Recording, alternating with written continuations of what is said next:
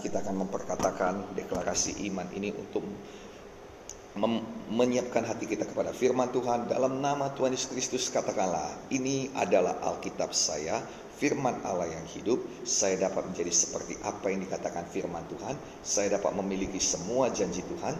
Saya adalah pelaku firman. Sekarang saya diajari firman Tuhan yang hidup dan berkuasa. Saya mendeklarasikan pikiranku terang, hatiku terbuka, dan hidupku pasti diobatkan oleh firman Tuhan. Hidupku memuliakan Tuhan. Di dalam nama Yesus dijadikanlah. Amin, amin, amin. Puji nama Tuhan. Karena ini adalah ibadah muda-mudi, kebanyakan pemuda-pemudi tidak memakai Alkitab yang besar lagi saudara, Alkitab cetak, tetapi banyak muda-mudi yang memakai Alkitab elektronik. Kiranya jangan hanya dimiliki saja, tetapi juga dibaca. Tuhan Yesus memberkati kita semuanya. Kita menyambung firman Tuhan yang kita bawakan mengenai kokoh melewati segala sesuatu. Nah, kita melihat minggu yang lalu bahwa di dalam dunia ini kita pasti akan mengalami krisis. Tidak ada seorang manusia pun yang tidak mengalami krisis, tetapi kita bisa melewati krisis. Dan kita melewati krisis bukan sebagai orang yang babak belur, kita melewati krisis bukan sebagai orang yang kalah, tetapi saya berdoa melalui kebenaran firman Tuhan dan melalui janji Tuhan kita boleh bertindak dengan benar dan kita akan melewati semua krisis hidup kita sebagai pemenang-pemenang di dalam nama Yesus. Mari sama-sama kita katakan kepada diri kita, kita katakan saya akan melalui semua badai ini. Mari katakan lagi, saya akan melalui segala krisis ini. Dan katakan lagi, saya pasti keluar sebagai pemenang-pemenang. Amin. Saya berdoa kiranya dijadikanlah untuk kemuliaan Tuhan di dalam nama Tuhan Yesus Kristus. Nah, adik-adikku yang dikasih oleh Tuhan Yesus, mari kita buka Alkitab kita dari 1 Petrus 5 ayat 10. Dikatakan saudara dan Allah sumber segala kasih karunia. Dalam terjemahan bahasa Inggris, dalam Alkitab bahasa Indonesia sehari-hari dikatakan saudara bahwa God always give you all the grace you need. Jadi saudara dalam segala segala persoalan dikatakan God always gives you all the grace you need dalam arti kata bahasa Indonesia terjemahan bebasnya Tuhan selalu memberikan kasih karunia yang kita butuhkan yang kita butuhkan di dunia ini adalah kasih karunia Tuhan Kasih karunia Tuhan membawakan kekuatan kepada kita. Kasih karunia Tuhan membawakan pengampunan kepada kita. Kasih karunia Tuhan membawakan jalan keluar pada kita. Kasih karunia Tuhan membawakan pada kita segala sesuatu yang kita butuhkan untuk keluar menjadi pemenang. Dan Tuhan berkata, Dia memberikan kepada kita kasih karunia yang kita butuhkan. Apakah yang adik-adikku butuhkan? Apakah yang Bapak Ibu Saudara-saudari butuhkan? Tuhan bisa memberikannya melalui kasih karunia-Nya. Dan dikatakan juga saudara di sini ya bahwa Allah akan membuat kalian menjadi sempurna. Allah sumber segala kasih karunia yang telah memanggil kamu dalam Kristus kepada kemuliaan yang kekal akan melengkapi, meneguhkan, menguatkan, mengokohkan kamu setelah kamu menderita seketika lamanya. Jadi dikatakan saudara bahwa dia akan menegakkan, menguatkan dan mengokohkan dan membuat kita menjadi sempurna dalam Alkitab bahasa Indonesia sehari-hari dikatakan. Mengapa? Karena ia adalah Allah yang baik hati. Tuhan kita adalah Tuhan yang baik hati. Walau memang ada banyak-banyak-banyak krisis di dunia ini, banyak permasalahan, itu tidak datang dari Tuhan. Jadi berhenti mengatakan bahwa itu datang dari Tuhan. Tidak sama sekali di dalam nama Yesus. Di tangan Tuhan tidak ada yang jahat Firman Tuhan berkata, Tuhan sendiri mengatakannya bahwa aku tahu rancangan-rancangan apa yang ada padaku mengenai engkau, yaitu rancangan-rancangan kebaikan. Minggu yang lalu kita sudah bahas ini supaya kita semuanya tahu bahwa di tangan Tuhan hanya ada kebaikan bagi pemuda-pemudi. Serahkan diri saudara kepada Tuhan karena sebaik-baiknya kita merencanakan hidup kita, Tuhan kita lebih mempunyai rencana yang jauh lebih baik daripada kita. Katakan di sini juga saudara bahwa ia adalah Allah yang sangat baik yang sudah memanggilmu untuk merasakan keagungan yang abadi melalui Kristus sesudah kalian menderita sebentar. Jadi ada penderitaan di dunia ini. Dalam Yohanes 16 ayat 33 dikatakan saudara, dalam dunia ini kamu akan mengalami penderitaan, penganiayaan. Jadi teologi yang mengatakan kalau kita mengikut Yesus maka tidak ada penderitaan itu salah besar. Mengikut Tuhan Yesus ada berkat yang luar biasa. Ada orang berkata mengikut Yesus diberkati luar biasa. Itu sangat-sangat benar, tetapi sama sekali bukan berarti tidak ada penderitaan. Bahkan ada orang yang berkata apabila engkau menderita maka Tuhan sudah meninggalkan engkau. Itu juga tidak benar. Karena Tuhan kita bekerja di dalam segala perkara untuk mendatangkan yang terbaik, yang menjadikan semuanya kebaikan bagi kita. Yang mengasihi Tuhan dan yang terpanggil sesuai dengan rencananya. Roma 8 ayat 28. Yang benar adalah bahwa di dunia ini ada penderitaan, tetapi penderitaan kita tidak lebih besar daripada kesanggupan kita. Penderitaan kita tidak lebih besar daripada pertolongan Tuhan. Penderitaan kita tidak lebih besar daripada kasih karunia Tuhan. Penderitaan kita tidak lebih besar daripada berkat-berkat Tuhan. Selalu ingat baik-baik anak muda dalam hidupmu supaya engkau tidak menjadi anak muda yang putus asa, supaya engkau tidak menjadi orang gila, supaya engkau tidak menjadi orang yang bunuh diri, orang yang mengakhiri hidupnya sendiri atau engkau tidak menjadi anak muda yang apatis yang tidak mau tahu tentang masa depan yang menjalani hidup apa adanya tidak di dalam nama Tuhan Yesus Kristus kejar masa depanmu oleh karena itu ingat selalu bahwa penderitaan kita tidak lebih besar daripada Tuhan kita Tuhan kita jauh lebih besar daripada semua penderitaan kita digabungkan sekaligus. Itu sebabnya jangan ada yang menyerah. Jangan ada yang berhenti berharap, jangan ada yang berhenti beriman, dan jangan ada yang berhenti berbuat baik. Jangan ada yang berhenti untuk percaya kepada Tuhan, jangan ada yang berhenti untuk melayani, jangan ada yang berhenti untuk belajar di dalam hidup ini. Biarlah semua anak-anak muda bangun dan bangkit di dalam Tuhan, karena persoalan kita semuanya pasti dapat ditolong oleh Tuhan. Minggu yang lalu kita sudah belajar tiga hal mengenai persoalan kita. Dan minggu ini kita akan belajar tiga hal mengenai pekerjaan Tuhan. Tetapi sebelumnya dengan cepat, biarlah saya review kembali apa yang menjadi uh, pengertian kita mengenai tiga hal tentang persoalan. Yang pertama sekali saudara, bahwa persoalan kita datang dalam berbagai bentuk. Tidak ada sekelompok orang yang mempunyai persoalan yang sama. Mengapa demikian? Karena Tuhan mau kita saling tolong menolong. Jika kita semuanya mempunyai persoalan yang sama yaitu mengenai uang, maka kita tidak ada yang menolong karena semuanya kita miskin, semuanya kita butuh uang. Tetapi saudara, kita persoalannya berbeda-beda sehingga mereka yang butuh uang bisa ditolong oleh mereka yang mempunyai berkat dalam bidang keuangan. Mereka yang sakit bisa ditolong oleh mereka yang sehat. Tidak ada di dalam satu kelompok bahkan dalam rumah sakit sekalipun selalu ada orang-orang yang sehat yang membantu, yang menolong, yang menjagai. Dalam satu keluarga pun selalu ada orang-orang yang sehat yang menjaga yang sakit. Selalu ada persoalan-persoalan yang berbeda-beda di dalam hidup kita supaya kita boleh saling tolong menolong. Dikatakan saudara di dalam Alkitab, bagi Abraham itu adalah penantian yang panjang akan penggenapan janji Tuhan. Bagi Musa adalah dia kehilangan kedudukannya yang tinggi di Mesir. Bagi Ayub ialah dia kehilangan segala sesuatu. Dia kehilangan harta bendanya, dia kehilangan keluarganya, dan juga dia kehilangan kesehatannya. Bagi Esther adalah pelatihan yang intens, pelatihan yang sangat-sangat berat.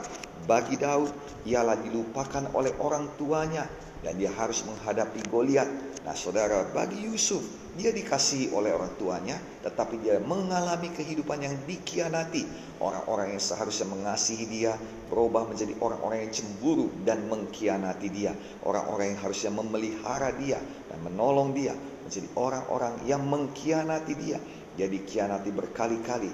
Di rumahnya dia dikhianati, di uh, tempat pekerjaannya di, dikhianati, bahkan di penjara sekalipun dia dikhianati. Nah, saudara yang kasih dalam nama Yesus, tapi semua hamba-hamba Tuhan ini tidak berhenti.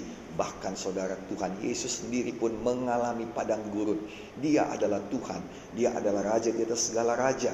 Dia adalah Allah yang kita sembah tetapi dia juga mengalami penderitaan, mengalami penganiayaan selagi menjadi manusia, selagi ada dalam tubuh manusianya, dia mengalami padang gurun dan setan mencobainya.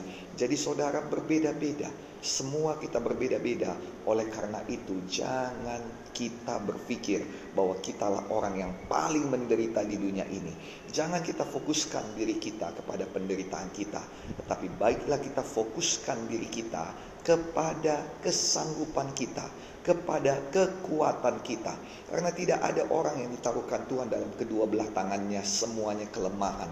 Tidak ada orang yang ditaruhkan Tuhan dalam kedua belah tangannya semuanya permasalahan. Satu tangan Tuhan berikan memang izin Tuhan ada permasalahan dan itu pun datang dengan maksud, itu pun datang dengan tujuan bukan untuk menghancurkan kita, tetapi untuk mempersiapkan kita kepada hal yang lebih baik yang akan datang. Dan ini akan kita lihat nanti pada poin yang ketiga daripada persoalan-persoalan kita.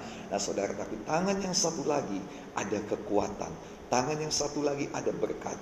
Tangan yang satu lagi ada jalan keluar. Nah, saudara, Tuhan sudah berikan kepada kita Musa adalah orang yang berfokus pada kekurangannya.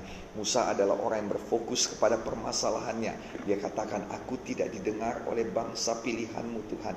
Engkau memang mengutus aku untuk menolong mereka, membebaskan mereka. Tetapi aku tidak mampu, mereka tidak mau dengarkan aku. Aku petah lidah, aku orang yang susah berbicara. Aku orang yang terbata-bata dalam berbicara. Ah, urus, utuslah orang lainnya Tuhan. Dan saudara, Tuhan berkata, apa yang ada di tanganmu? Musa memandang remeh apa yang ada di tangannya. Dia berkata, hanya tongkat. Tetapi kemudian Tuhan mengubah tongkat itu menjadi sumber muzizatnya. Apa pun yang dibutuhkan orang Israel, apa pun yang dibutuhkan Musa, keluar dari tongkat itu.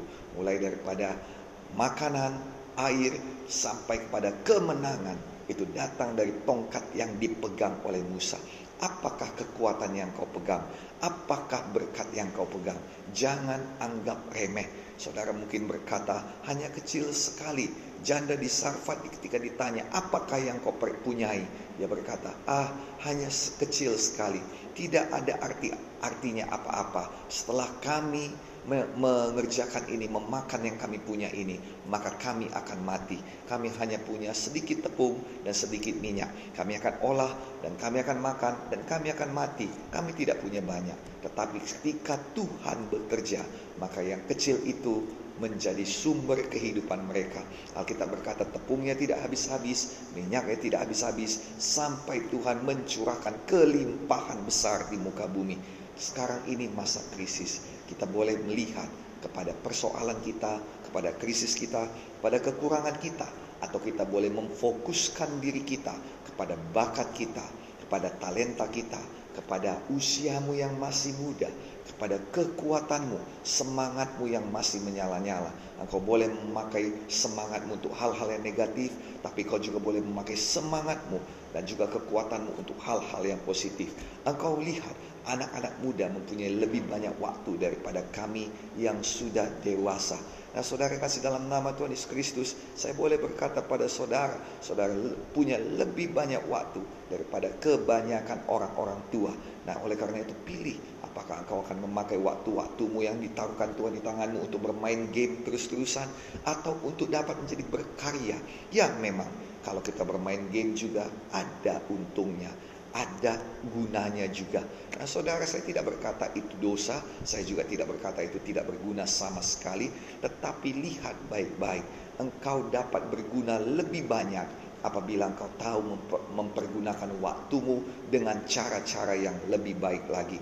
Saya ajak anak-anak muda untuk melihat pada apa yang ditaruhkan Tuhan di tangannya, masa mudanya, kekuatannya, bakat, talenta, dan juga teman-temanmu engkau lihat baik-baik. Jangan miliki teman yang menjatuhkan, tapi milikilah teman agar engkau dapat berkarya, berbuat sesuatu, membuka bisnis, membuat sesuatu di dunia maya. Jangan hanya bermain game, tetapi buatlah sesuatu yang dapat memberkati sekelilingmu. Nah, saudara-saudari kasih dalam nama Yesus, penderitaan kita berbeda-beda dengan maksud tujuan agar kita boleh saling menolong satu dengan yang lainnya, agar kita boleh saling memberkati satu dengan yang lainnya. Itu sebabnya jangan kita berfokus pada kelemahan kita. Akulah yang harus ditolong, akulah yang harus diperhatikan, akulah orang yang harus kalian angkat, akulah orang yang paling menderita di dunia ini. Tidak di dalam nama Yesus. Kalau saya melihat saudara, banyak status-status anak muda sekarang yang mengadukan masalahnya kepada masyarakat Nah dengar baik-baik, kalau kau tuliskan masalahmu pada masyarakat, masyarakat tidak akan dapat membantu engkau. Masyarakat paling hanya bisa memberikan simpati kepadamu. Kalau engkau mengadukan masalah pada Tuhan, menyerahkannya di kaki salib Tuhan, dan kemudian maju dalam hidupmu, karena masalahmu sudah diurus oleh Tuhan. Percayalah, dalam Ibrani pasal 4 dikatakan bahwa Tuhan kita tidak pernah terlambat apa pun kerinduan hati kau anak muda, apa pun keinginanmu, apa pun permasalahan, apa pun jalan buntu yang kau hadapi, serahkan pada Tuhan dan majulah di dalam hidupmu. Temukan jalan yang dibukakan Tuhan padamu dan jadilah berkat bagi sekelilingmu. Saya berdoa kiranya kata-kata yang sederhana ini tetapi dari firman Tuhan menginspirasi anak-anak muda untuk boleh menjadi berkat. Tidak fokus kepada kekurangan, tidak fokus kepada permasalahan, tidak fokus kepada tekanan-tekanan dalam hidup. Semua kita memiliki tekanan hidup tapi berbeda-beda. Itu sebabnya jangan fokuskan ke sana. Serahkan kepada Tuhan dan fokus kepada kekuatanmu Fokus pada berkat-berkatmu. Fokus pada kemampuanmu. Apa yang ditaruhkan Tuhan pada tanganmu. Dan mulai jadilah berkat. Jadilah orang-orang yang kuat.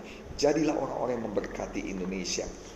Nah saudara, yang kedua kita melihat bahwa semua persoalan memiliki tanggal kedaluarsa.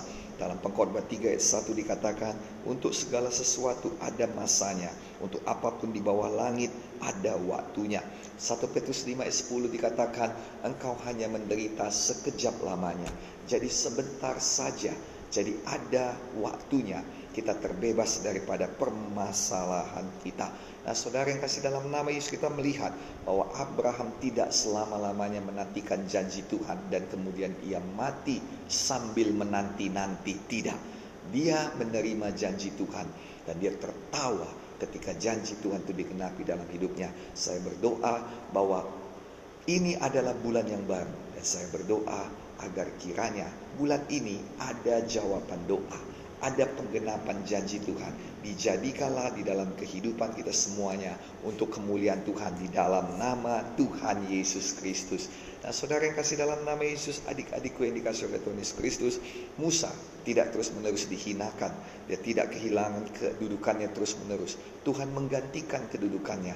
Kalau tadi yang dia serahkan kepada Tuhan adalah kedudukannya di kerajaan dunia yang paling besar sekarang ini Tuhan berikan kepadanya kedudukan yang sangat tinggi di mata umat pilihan Tuhan. Sehingga sangat tinggi luar biasa.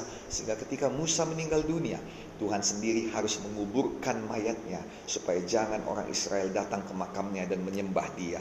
Dan saudara kasih dalam nama Yesus, Ayub tidak selama-lamanya miskin. Tidak selama-lamanya sakit. Dan dia tidak mati dalam penderitaannya. Tuhan menaruh batasan bagi setan dalam setiap penderitaan kita. Mengapa Tuhan taruh batasan? Karena dalam 1 Korintus 10 ayat 13 dikatakan saudara bahwa sesungguhnya Tuhan tidak mengizinkan persoalan itu melebihi kesanggupan kita. Jadi ingat baik-baik, Tuhan menaruhkan batasan tidak ada persoalan yang melebihi kesanggupan kita. Sering sekali hamba Tuhan bertindak begitu rohani dan berkata, tidak melebihi kesanggupan roh kudus. Kalau yang itu mah gak ada yang bisa melawan roh kudus. Mau setan apa pun, mau mau persoalan apa pun, mau kekurangan apa pun, mau tekanan apa pun, tidak ada yang bisa mengalahkan Roh Kudus. Pertanyaannya, apakah dia bisa mengalahkan saya atau tidak? Oh, Pak Pendeta, Dia tidak bisa mengalahkan kita kalau kita bersama dengan Roh Kudus. Setuju, yang itu setuju 100%. Tapi banyak orang berpikir, apakah aku bersama-sama dengan Roh Kudus? Apakah aku berkenan dengan Roh Kudus atau tidak? Kalau memang hanya dengan bersama Roh Kudus kita menang, maka di seluruh dunia ini hanya orang Pantai Costa karismatik yang bisa kaya, yang bisa menang, yang bisa mendapatkan kehidupan yang lebih baik.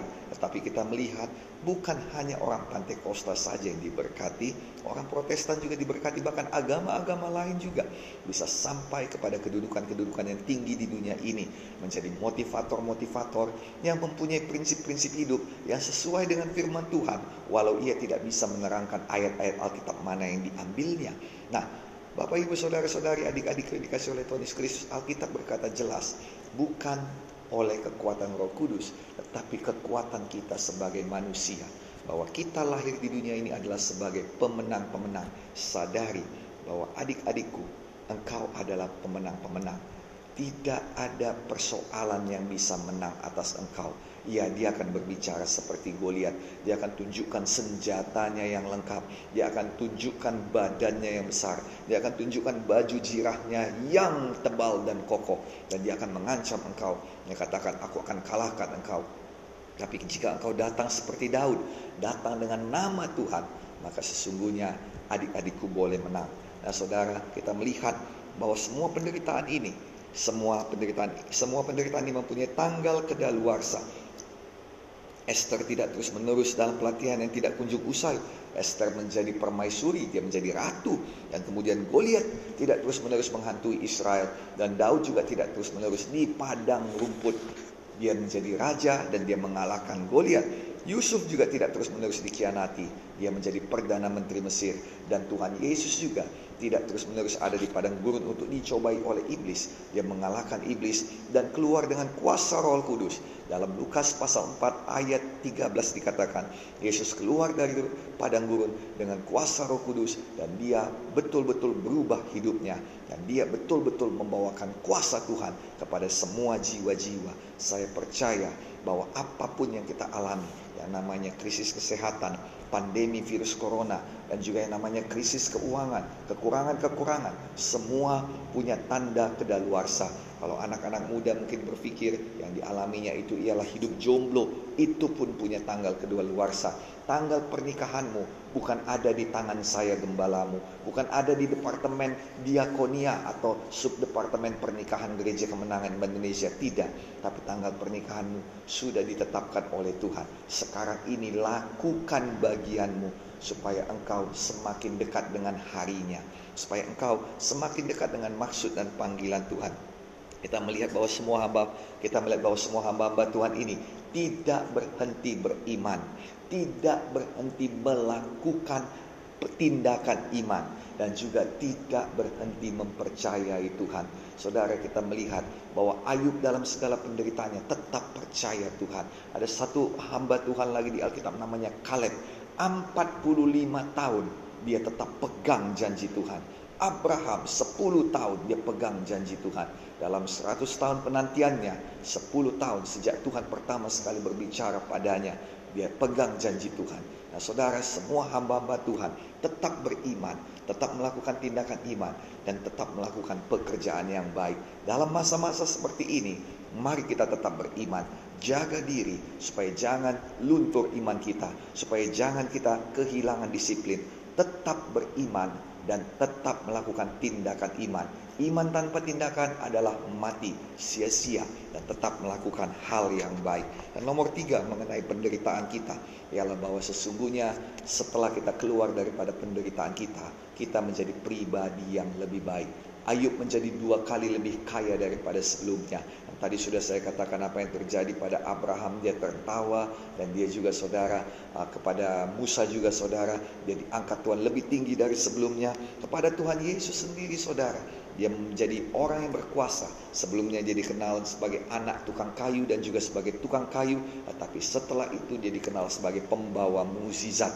Kata-katanya berkuasa. Setiap kali dia berkata-kata, dunia merespon. Sesuatu yang jadi, suatu terjadi. Keajaiban Tuhan terjadi. Nah saudara badai-badai diredakan karena perkataan Tuhan Yesus. Dan juga setan-setan diusir karena perkataan Yesus. Dan juga penyakit-penyakit disembuhkan dikatakan dengan sepatah kata yang menyembuhkan mereka semuanya. Dengan sepatah kata yang mengusirkan setan-setan. Semuanya terjadi setelah permasalahan, krisis, persoalan, tekanan itu dilalui. Jangan melarikan diri dari tekanan kita.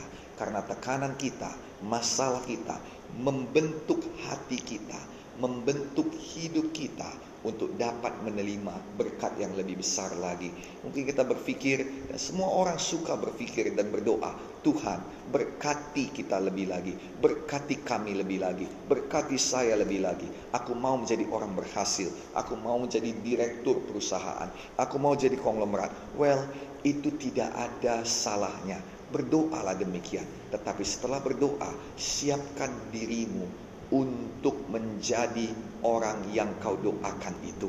Siapkan dirimu. Kalau kau berkata, aku jadi suami yang baik. Tuhan, jadikanlah aku suami yang baik. Tuhan, berikanlah istri padaku. Berikanlah berkat, berikanlah jodoh kepadaku. Maka saudara harus mempersiapkan diri menjadi suami yang baik, istri yang baik. Saya ingat saudara ada satu jokes yang berkata saudara ketika seorang anak laki-laki menelpon bapaknya dan berkata saudara papa saya mau menikah. Lalu papanya berkata di ujung telepon sana dikatakan anakku engkau harus minta maaf. Nah, kemudian anaknya bingung dan dia berkata untuk apa aku minta maaf? Dan kemudian bapaknya berkata nggak pedulilah engkau harus minta maaf. Dan dia katakan tapi apa salahku? Dia berkat papanya berkata minta maaf sekarang. Iya aku mau minta maaf tetapi terangkan dulu mengapa aku harus minta maaf. Nah, kemudian saudara, papanya berkata, sekarang ini ku perintahkan kau minta maaf. Anaknya berkata, aku nggak mengerti papa. Tolong dijelaskan dulu apa salahku kepada papa. Minta maaf sekarang. Akhirnya anaknya saudara nggak tahan dan dia berkata, oke okay, oke okay, oke, okay. aku minta maaf papa. Aku minta maaf, minta maaf kepada papa. Lalu papanya berkata, sekarang engkau sudah siap Memang saya temukan juga di dalam hidup pernikahan bahwa ada banyak hal yang saya tidak mengerti tentang istri saya dan juga tentang kehidupan ini. Tapi memang saya harus bersedia minta maaf, harus menekan ego, harus menekan kebenaran diri sendiri dan harus saudara meminta maaf. Walau kadang-kadang terus terang saya tidak mengerti apa yang menjadi salah saya. Jadi saudara, kebanyakan sekali kadang-kala kita tidak mengerti bahwa persoalan datang begitu saja. Mungkin saudara juga merasa saudara sudah berjaga-jaga, tetapi saudara ternyata dinyatakan positif virus corona. Jangan putus asa dan jangan kita marah kepada Tuhan. Bukankah aku berjaga-jaga? Bukankah semua protokol kesehatan aku ikuti? Mungkin hanya persoalan kecil saja. Apakah Tuhan begitu kejam? Tidak demikian. Semua persoalan kita, kalaupun hari ini ada bapak, ibu, ada mungkin kita yang dikatakan positif virus corona, jangan langsung melihat pada kematian. Masih ada harapan. Mari isolasi diri saudara dengan baik. Mari rawat diri saudara dengan baik. Minta orang yang merawat saudara betul-betul menjaga dirinya juga agar jangan tertular orang lain. Nah, saudara mungkin itu menjadi satu perjuangan hidup saudara, satu tekanan. Mungkin yang lainnya juga memiliki kekurangan keuangan atau lain sebagainya. Atau juga tekanan hidup saudara ialah saudara sudah lama menjomblo. Sekarang ini adalah pelatihan bagi saudara. Orang-orang yang menjomblo adalah orang-orang yang sedang dilatih Tuhan untuk dapat menjadi istri yang baik, ibu yang baik, suami yang baik, bapak yang baik dalam rumah tangga. Orang-orang yang kekurangan hari ini adalah orang-orang yang dilatih Tuhan ketika supaya ketika kelimpahan datang dia tidak menyimpang daripada jalan-jalan Tuhan. Latih diri saudara. Saudara akan keluar dari persoalan ini menjadi pribadi-pribadi yang lebih baik lagi. Nah, saudara kasih dalam nama Yesus dalam Yakobus pasal 1 ayat 12 dikatakan Berbahagialah orang yang bertahan dalam pencobaan, sebab apabila ia sudah tahan uji, ia akan menerima mahkota kehidupan yang dijanjikan Allah kepada barang siapa yang mengasihi dia. Jadi ada perubahan hidup, ada mahkota kehidupan yang diberikan Tuhan kepada orang yang bertahan dalam pencobaan. Dalam Alkitab bahasa Inggris dikatakan, Blessed is the man who keeps on going when, time is hard. I'm sorry, Blessed is the man who keeps on going when times are hard. Jadi saudara kasih dalam nama Tuhan Yesus Kristus dalam terjemahan bebasnya dikatakan diberkatilah orang yang tetap berjalan ketika waktu-waktu menjadi susah. Tetap berjalan ketika situasi menjadi berat. Nah, saudara, apa artinya? Tetap berjalan. Persiapkan diri saudara, tetap berbuat baik, tetap percaya, tetap tersenyum. Memang Tuhan menjanjikan jalan keluar dalam setiap persoalan kita. Dan kalau kita belum melihat jalan keluar, tidak berarti kita terduduk, diam, berhenti, menangis, dan trauma. Tidak tapi kita tetap berjalan karena ada jalan keluar di depan sana. Kita tetap berjalan sampai kita melihat cahaya di depan sana. Dan ketika kita melihat jalan keluar, jalanilah dan keluarlah dari masalahmu sebagai orang-orang yang sudah berubah kehidupannya. Jadi kita melihat hari ini tiga hal mengenai permasalahan yang sudah kita lihat minggu yang lalu. Nah sekarang ini saudara-saudari, kita akan melihat saudara apa yang dilakukan Tuhan dalam setiap permasalahan kita Tuhan kita bukanlah Tuhan yang idle. Tuhan kita bukanlah Tuhan yang diam. Tuhan kita bukanlah Tuhan yang yang yang tidak berbuat apa-apa. Di mana-mana di dunia ini kita mendengar pekerjaan setan, tapi tidak berarti bahwa pekerjaan Tuhan itu tidak ada. Pekerjaan Tuhan itu ada. Nah, itu sebabnya kita harus tahu bahwa Tuhan bekerja di balik panggung, menjadikan semuanya kebaikan bagi kita. Dan itu adalah jaminan firman Tuhan dikatakan dalam Roma 8 ayat 28. Kita tahu sekarang bahwa Allah turut bekerja dalam segala sesuatu untuk mendatangkan kebaikan bagi kita yang mengasihi dia. Yaitu bagi kita yang terpanggil sesuai dengan rencana Allah.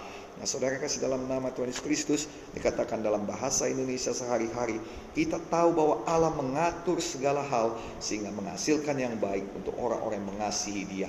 Allah mengatur segala hal. Allah mengatur bahkan dalam badai hidup sekalipun Tuhan bisa atur. Apa yang kita alami sehari ini tidaklah di luar daripada kemampuan atau di luar daripada monitor Tuhan kita. Tuhan kita tidak pernah terkejut dengan keadaan kita. Dia tidak pernah panik dengan segala persoalan kita.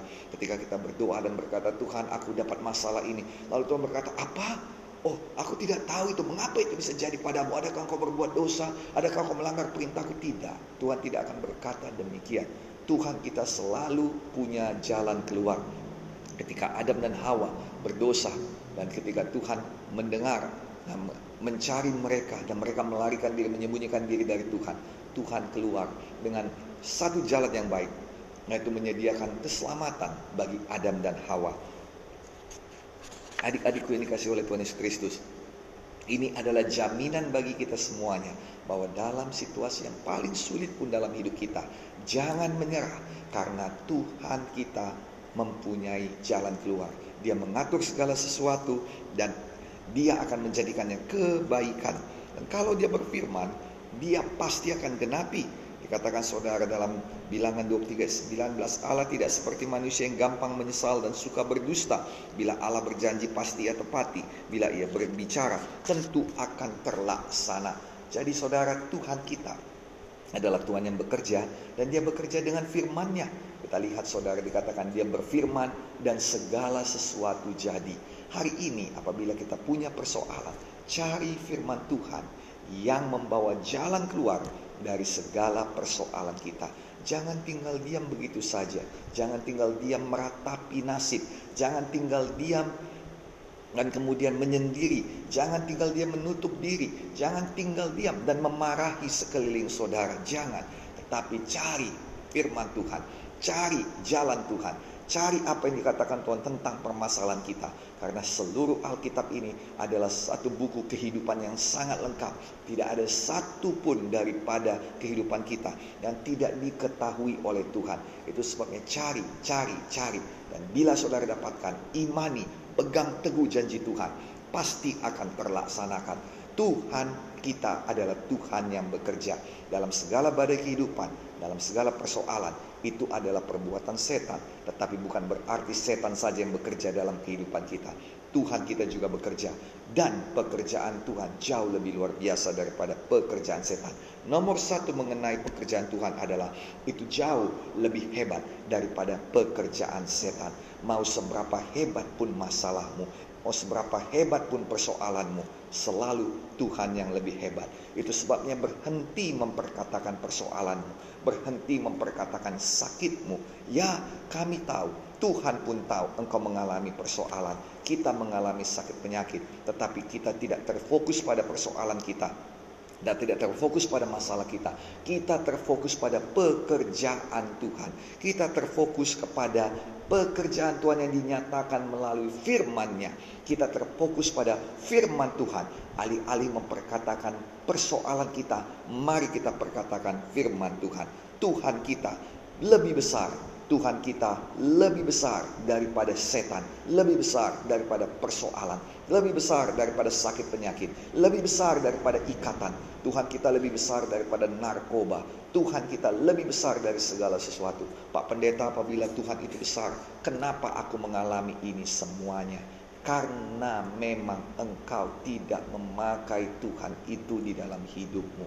Dengar baik-baik sayang, ada banyak sabun di dalam dunia ini mau sabun batang, mau sabun keras, mau sabun yang sabun yang uh, sabun cair, ada banyak sabun, sabun untuk tubuh, sabun untuk lantai, sabun untuk mobil, sabun untuk motor, sabun untuk piring, sabun untuk mana, semua ada banyak sabun di dunia ini.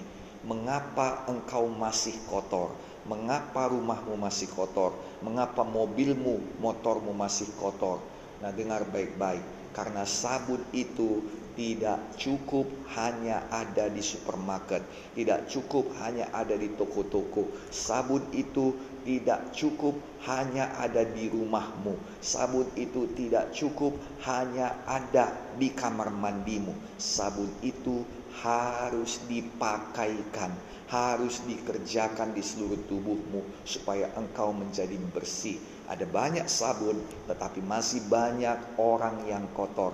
Ada banyak sabun mobil, tapi masih banyak mobil yang kotor. Nah, ada orang berkata, "Pak, sekarang banyak kubangan." Kubangan nggak jadi masalah. Sabun bisa membersihkan semua kotoran-kotoran yang ada pada mobil. Nah, saudara, ada orang berkata, "Tadi sudah dibersihkan, Pak, tapi hujan datang, maka mobil saya jadi kotor lagi." Nggak jadi masalah. Sabun mobil itu bisa membersihkan semua kotoran yang didatangkan oleh hujan. Tetapi masalahnya setelah hujan engkau tidak membersihkan kembali mobilmu, engkau tidak memakaikan sabun itu kembali pada mobilmu. Demikian juga dengan firman Tuhan harus dipakaikan, dikerjakan dalam hidupmu. Ada banyak firman Tuhan di Alkitab ada banyak firman Tuhan yang dikhotbahkan bagimu. Tidak cukup hanya di kepala saja. Tidak cukup hanya, ya saya percaya. Saya percaya dalam hati, amin, amin. Gak cukup. Itu harus dipakaikan, harus dikerjakan, harus dilakukan. Maka hidupmu pasti berubah pekerjaan Tuhan lebih besar daripada pekerjaan dunia ini. Pekerjaan Tuhan lebih besar daripada pekerjaan setan. Kita hanya bisa terima apabila kita melakukan firman. Karena Tuhan bekerja dengan firman-Nya. Yeremia 32:27 dikatakan, Sesungguhnya akulah Tuhan Allah segala makhluk. Adakah sesuatu apa pun yang mustahil bagiku? Tidak ada yang mustahil. Dalam 1 Yohanes 3 ayat 8b dikatakan, Untuk inilah anak Allah menyatakan dirinya, supaya ia membinasakan perbuatan-perbuatan iblis itu. Nah, adik-adikku, bukan pekerjaan setan yang membinasakan pekerjaan Tuhan. Bukan masalahmu membatalkan berkatmu.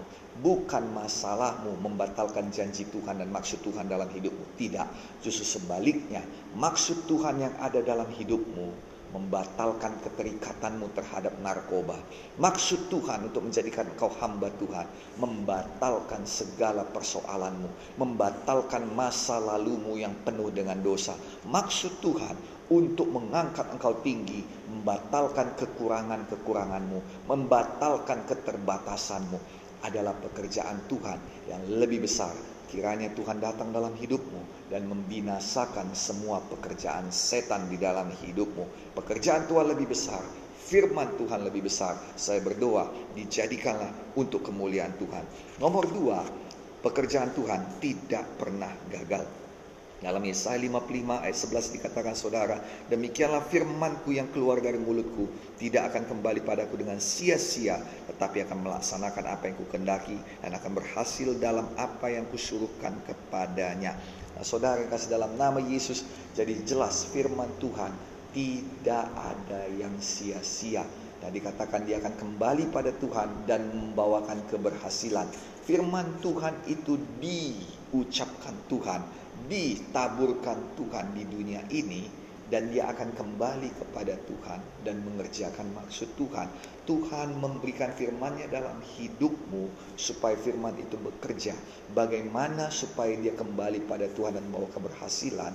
Mari kerjakan dan perkatakan kembali firman Tuhan katakan kembali firman Tuhan kepada Tuhan, maka firman yang sama itu akan kembali pada Tuhan dan mengerjakan maksud Tuhan dalam hidup saudara. Ketika Tuhan mau bekerja pada saudara, dia bekerja dengan memperkatakan firman-Nya dalam hidup saudara, hidup dalam hati. Ketika kita mau firman itu berhasil, kita kembalikan firman itu kepada Tuhan dengan mendoakannya, dengan memperkatakannya, dan kemudian dengan mengerjakannya kita berdoa, misalnya seperti dikatakan, oleh bilur-bilur Yesus saya sudah sembuh. Dikatakan bahwa tidak seorang pun tidak ada apa pun yang dapat bertahan melawan saya. Sama seperti Tuhan menyertai hamba-hamba Tuhan yang lain. Maka Tuhan akan menyertai saya. Itu ada dalam buku kitab Yosua. Dikatakan, aku akan aku akan mendengarkan firman Tuhan dengan sungguh-sungguh dan melaksanakannya dengan hati-hati, maka hidupku akan berhasil dan beruntung. Dalam buku ulangan dikatakan, aku akan naik, naik, naik dan terus naik dan tidak akan pernah turun. Dikatakan juga, aku akan jadi kepala dan bukan ekor. Tuhan akan mengangkatku tinggi di antara bangsa-bangsa. Ketika Tuhan bekerja dengan firman-Nya, Tuhan tidak bekerja kelas RT RW, Tuhan tidak bekerja kelas kampung, Tuhan tidak bekerja kelas kota, Tuhan tidak bekerja kelas kabupaten, Tuhan tidak bekerja kelas provinsi, Tuhan tidak bekerja kelas nasional, Tuhan bekerja kelas antara bangsa, Tuhan bekerja kelas internasional. Tuhan mau angkat hidupmu, angkat kedudukanmu, angkat bisnismu, angkat pemikiranmu, angkat kepemimpinanmu, angkat ide-idemu dan juga angkat bakatmu yang ditaruhkannya di dalam engkau menjadi kelas bangsa-bangsa. Saya berbicara kepada pemuda-pemudi yang mengerjakan bagiannya, yang percaya pada firman Tuhan dan yang mengerjakan Tuhan, yang mengerjakan perkataan firman Tuhan agar itu dijadikan dalam kelas bangsa-bangsa. Saya berdoa dari diri saudara akan keluar pengurapan kelas bangsa-bangsa. Akan ada roh kudus yang membawakan pengurapan kelas bangsa-bangsa. Dari diri saudara akan keluar bakat-bakat, talenta, kelas bangsa-bangsa. Jadilah di dalam nama Tuhan Yesus Kristus. Dalam 2 Petrus 3 9 dikatakan, Tuhan tidak lalai menepati janjinya, sekalipun ada orang yang menganggapnya kelalaian, tetapi ia sabar terhadap kamu, karena ia menghendaki jangan ada yang binasa, jangan ada yang jatuh, jangan ada yang mundur, jangan ada yang berhenti, jangan ada yang trauma, jangan ada di dalam nama Yesus, melainkan semuanya berbalik dan bertobat. Bertobat itu artinya engkau melakukan sesuatu yang berlawanan dengan dahulu berlawanan arah 180 derajat. Berbalik itu adalah bertobat. Jadi kita tidak bisa melakukan hal-hal yang sama yang sudah terbukti tidak berhasil. Kalau engkau tahu bahwa dengan keluhanmu engkau tidak berhasil, maka jangan mengeluh lagi. Kalau engkau tahu bahwa dengan me menghasut orang lain, dengan hoaxmu engkau tidak berhasil, maka jangan bikin hoax lagi. Nah saudara sekarang ini selalu ada hoax-hoax aneh setiap bulan 9 ada hoax mengenai isu-isu PKI. Setiap bulan 12 nanti isu-isu. Jangan mengatakan selamat hari Natal. Bulan 2 nanti isu-isu Valentine. Wah saudara, rame itu aja terus-terusan. Bosan kita saudara. Nah itu hanya bagi orang-orang yang bodoh. Orang-orang yang tidak cerdas. Saya berdoa anak muda adalah anak muda yang cerdas. Kalau engkau tahu betul bahwa kalau engkau melakukan satu hal dan engkau tidak berhasil, bertobatlah. Kalau engkau tahu bahwa narkoba tidak membawa keberhasilan pada lihat baik-baik orang-orang narkoba belum pernah saya melihat orang narkoba yang berhasil dan menjadi kaya tetapi sangat menderita hidupnya itu sebabnya bertobat dan berbalik kadang kita menganggap Tuhan itu lalai Tuhan kenapa engkau belum juga membebaskan saya karena engkau belum bertobat Karena engkau belum berbalik. Tuhan, mengapa engkau belum juga memberkati saya? Karena engkau belum bertobat, belum juga berbalik. Tuhan, mengapa engkau belum membawa saya kepada jodoh saya? Masih jomblo juga, karena engkau belum bertobat, karena engkau belum berbalik. Ada hal-hal yang harus kau lakukan untuk membuktikan pada Tuhan engkau bisa mengelola berkat yang diberikan Tuhan kepadamu. Engkau mau diangkat Tuhan menjadi pemimpin perusahaan. Tunjukkan pada Tuhan bahwa engkau bisa mengelola perusahaan yang diberikan Tuhan pada saudara. Engkau bisa mengelola perkara kecil, Tuhan akan berikan perkara yang lebih besar. Nah khusus bagi pernikahan, engkau akan mengelola satu kehidupan lain dan beberapa kehidupan lainnya. Yaitu anak-anak yang diberikan Tuhan pada saudara kalau saudara mengurus diri sendiri pun tidak bisa. Kalau saudara masih juga memarahi orang karena mereka tidak mengerti saudara. Kalau saudara masih juga mempersalahkan orang lain karena hal-hal yang kecil. Kalau saudara tidak bisa berkorban, bagaimana mungkin saudara dipercayakan Tuhan satu keluarga, dipercayakan pada Tuhan kehidupan orang lain agar bisa saudara urus. Banyak sekali orang berpikir keluarga ini hanya untuk menyenangkan dirinya. Bagaimana mungkin Tuhan berikan keluarga itu padanya? Keluarga itu adalah untuk memberkati, untuk saling mengawasi, untuk saling meneguhkan. Itu sebabnya belajar dari sekarang, berlatih dari sekarang, lakukan dari sekarang supaya ketika semua pelatihanmu usai, ketika semua tekananmu usai, engkau didapati Tuhan layak untuk berkat-berkat mahkota kehidupan yang dijanjikan oleh Tuhan. Tuhan tidak lalai menepati janjinya. Jangan anggap itu satu kelalaian, tapi perbaiki diri kita lakukan bagian kita. Jadi saudara nomor satu pekerjaan Tuhan lebih besar daripada pekerjaan setan. Nomor dua pekerjaan Tuhan tidak pernah gagal. Tuhan tidak lalai menepati janjinya. Nomor tiga pekerjaan Tuhan selalu dinyatakan tepat pada waktu Tuhan. Bukan waktumu. Sering sekali kita pengen agar kita mendapatkannya sekarang.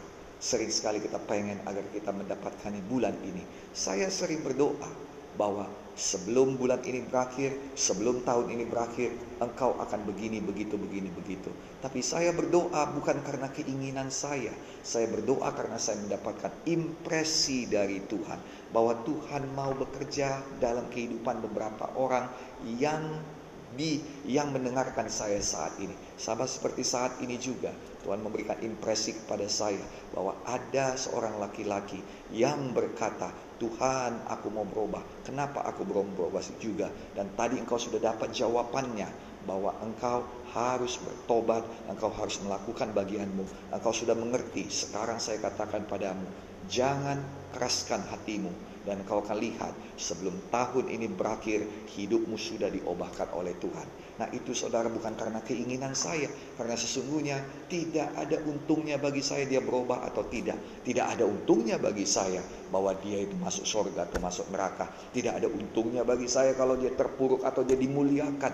Tetapi Tuhan mau mengubahkan hidupnya. Itu sebabnya saya sebagai hamba Tuhan diberikan Tuhan impresi.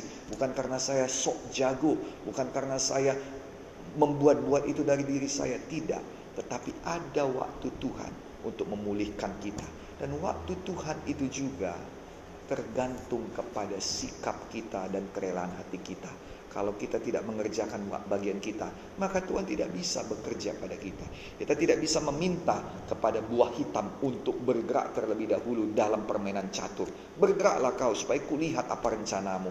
Bergeraklah engkau supaya aku tahu bagaimana pergerakanmu. Bergeraklah engkau supaya aku tahu bagaimana harus bergerak. Gak bisa sayang. Kita yang memegang buah putih, kita yang harus bergerak terlebih dahulu. Kita harus melangkah dengan iman Walaupun kadang kita tidak tahu apa yang akan dikerjakan oleh Tuhan. Walaupun kita kadang tidak tahu apa yang akan diperbuat oleh Tuhan. Walaupun kadang kita tidak mengerti keseluruhan rencana Tuhan. Tapi kita harus bergerak terlebih dahulu. Nah saudara pada waktunya Tuhan pasti akan menyatakan pekerjaannya. Dalam Ibrani 4 ayat 16 dikatakan, Marilah kita dengan penuh keberanian menghampiri tahta kasih karunia supaya kita boleh menerima rahmat dan menemukan kasih karunia untuk mendapatkan pertolongan kita pada waktunya.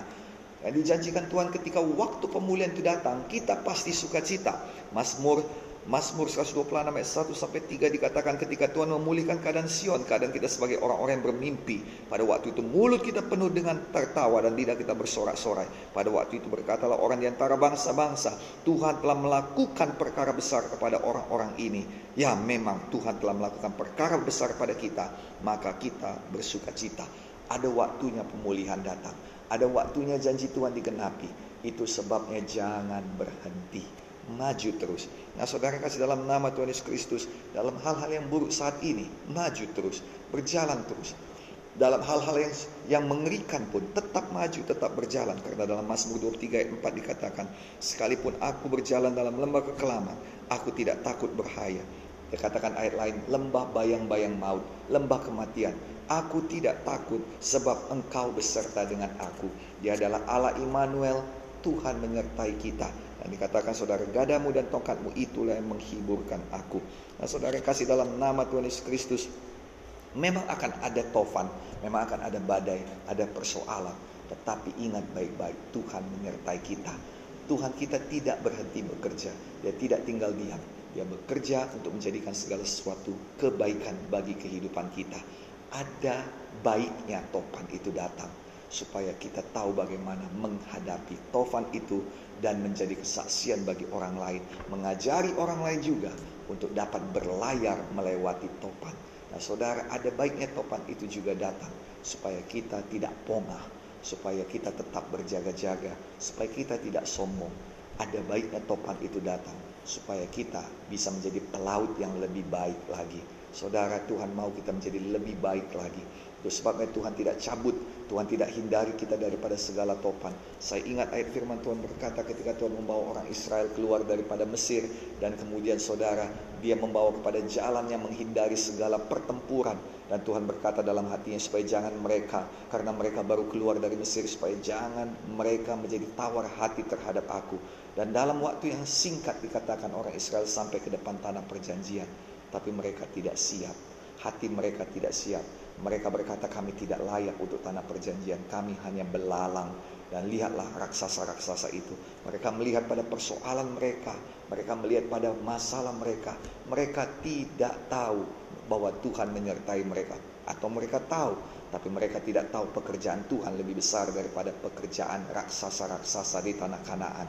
Nah saudara akhirnya Tuhan bawa mereka keliling padang belantara 40 tahun lamanya untuk mengikis hati, mengikis habis semua orang yang mempunyai hati yang tidak benar. Tuhan mau mengikis habis semua yang tidak benar di dalam diri kita. Nah, saudara kasih dalam nama Tuhan Yesus Kristus, kemudian bawa Tuhan bawa mereka berperang sehingga kali yang kedua mereka berhadapan dengan tanah perjanjian yang sama, dengan masalah yang sama, atau mungkin lebih besar lagi karena sudah ada tembok Jericho di sana. Sekali ini mereka siap.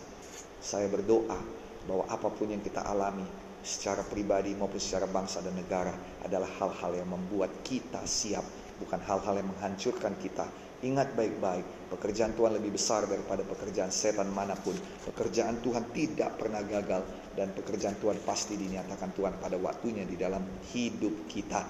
Nah, ujian itu tidak diperuntukkan agar murid-murid itu gagal, tapi ujian itu diperuntukkan agar murid-murid mempunyai dasar yang teguh untuk naik kepada level yang berikutnya. Saya berdoa, kita lakukan bagian kita, kita belajar dan kita hadapi ujian kita dan kita akan keluar daripada krisis kesehatan ini.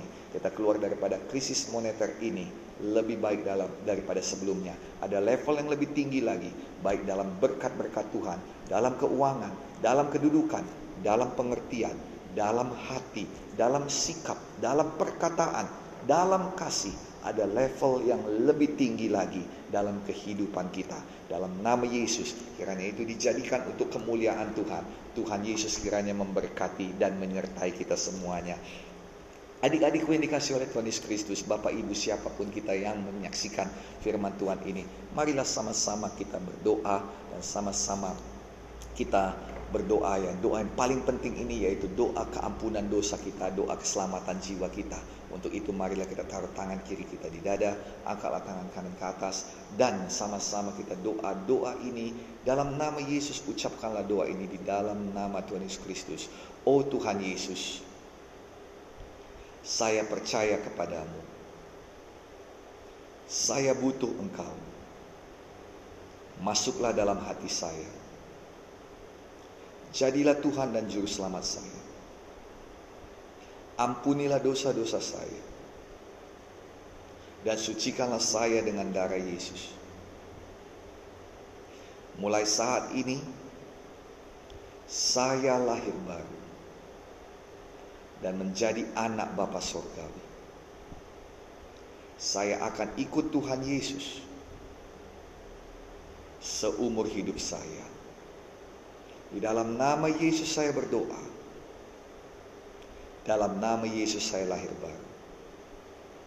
Terima kasih Tuhan. Dan kita yang percaya sama-sama berkata, Amin, amin, amin, amin, dan amin.